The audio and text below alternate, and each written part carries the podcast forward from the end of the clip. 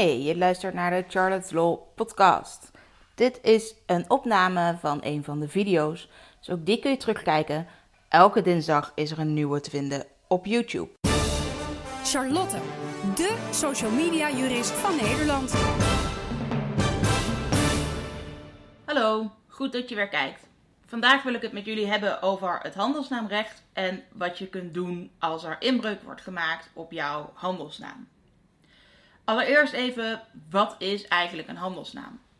Een handelsnaam is de naam die je gebruikt voor jouw onderneming, voor jouw bedrijf. Dus je kunt het ook gewoon een bedrijfsnaam noemen. Een handelsnaam is er dus ook echt alleen maar voor ondernemingen. Beschermt dus niet alleen maar een blog waar je geen geld mee verdient, bijvoorbeeld. Of als je op Facebook wat producten verkoopt. Ehm, als je handelt als beroep of bedrijf en je gebruikt daar een naam voor, dan is dat je handelsnaam. Bij een handelsnaam heb je niet de verplichting om hem in te schrijven bij de Kamer van Koophandel. Dat is natuurlijk wel handig, want mensen die zelf een nieuw bedrijf gaan inschrijven bij de Kamer van Koophandel, die zullen daar in het register gaan zoeken of de naam al bestaat. Niet iedereen googelt even goed, of als jouw SEO gewoon nog niet op orde is, duikt jouw naam misschien nog niet goed op op de eerste drie pagina's van Google. Ehm, terwijl die dan wel opduikt in het handelsregister van de Kamer van Koophandel. Een handelsnaam krijg je eigenlijk door het te gebruiken. Dus door het te gebruiken voor je onderneming. Bijvoorbeeld omdat je het hebt staan op visitekaartjes, op je website. Eventueel zit de naam misschien wel in de URL, hè, de domeinnaam van je website. Uh, je gebruikt op je offertes, op je facturen, misschien wel de verpakking van je producten, dat soort zaken. Het gaat er echt om dat je het gebruikt en mensen jouw bedrijf kennen onder die naam. Dan heb je een handelsnaam.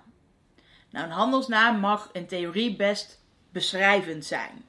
dus als je zegt, nou, ik ben eh, SEO-specialist, dan zou je bedrijfsnaam gewoon kunnen zijn SEO-specialist Nederland. Het lastige is alleen dat hoe beschrijvender de naam is, hoe minder bescherming je hebt. Want een andere handelsnaam kan er dan al heel snel heel erg op lijken. Dat betekent dat er een conflict is, hè, dat iemand anders ook een bedrijf begint met eenzelfde naam of een naam die er heel erg op lijkt, dat je daar niet altijd even makkelijk wat tegen kunt doen. Een handelsnaam beschermt je ook alleen maar voor je onderneming binnen een bepaald geografisch gebied. Dus in elk geval Nederland. Maar als je klantenkring uit een bepaalde regio komt, wordt je naam alleen maar beschermd binnen die regio. Dat heeft natuurlijk vooral voor mensen die echt een lokaal bedrijf hebben, met misschien wel een fysieke locatie. Uh, maar het kan ook wel zijn dat je een online onderneming hebt, maar toch vooral klanten hebt uit een bepaalde regio. Ook in dat geval ben je alleen maar in die specifieke regio beschermd.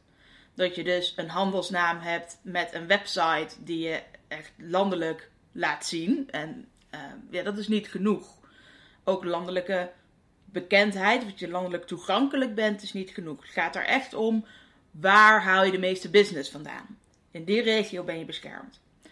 Daarnaast beschermt een handelsnaam alleen maar voor een bepaalde branche. Dus iemand die zegt: Ik heet Jantje Piet, noem maar even een naam, en is een bakker, dan is dat, kan iemand anders nog binnen dezelfde regio ook Jantje Piet de bloemist beginnen. Want een bakker en een bloemist, ja, die hebben eigenlijk niet met elkaar te maken. Daardoor kan er ook geen verwarring ontstaan. Maar stel je nou, stel je nou voor dat um, je Jantje Piet Um, nou, je hebt Jantje Piet de bakker en je hebt ook Jantje Piet de banketbakkerij of Jantje Piet de ijssalon. Misschien dat dat wel te veel bij elkaar in de buurt ligt.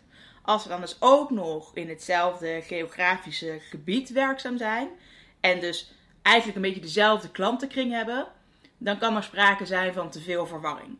Dan moet dus de een tegen de ander kunnen optreden.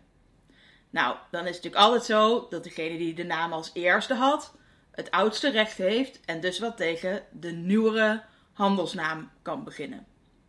Nou, hoe ga je dat nou oplossen? Stel dat je een bedrijf tegenkomt dat in dezelfde regio actief is en binnen dezelfde branche werkzaam is en ook nog een naam heeft die heel erg lijkt op de handelsnaam die jij voert. Allereerst moet je natuurlijk zorgen voor bewijs. Dus maak screenshots bijvoorbeeld. Kijk waar je allemaal kunt vinden welke handelsnaam er precies gebruikt wordt.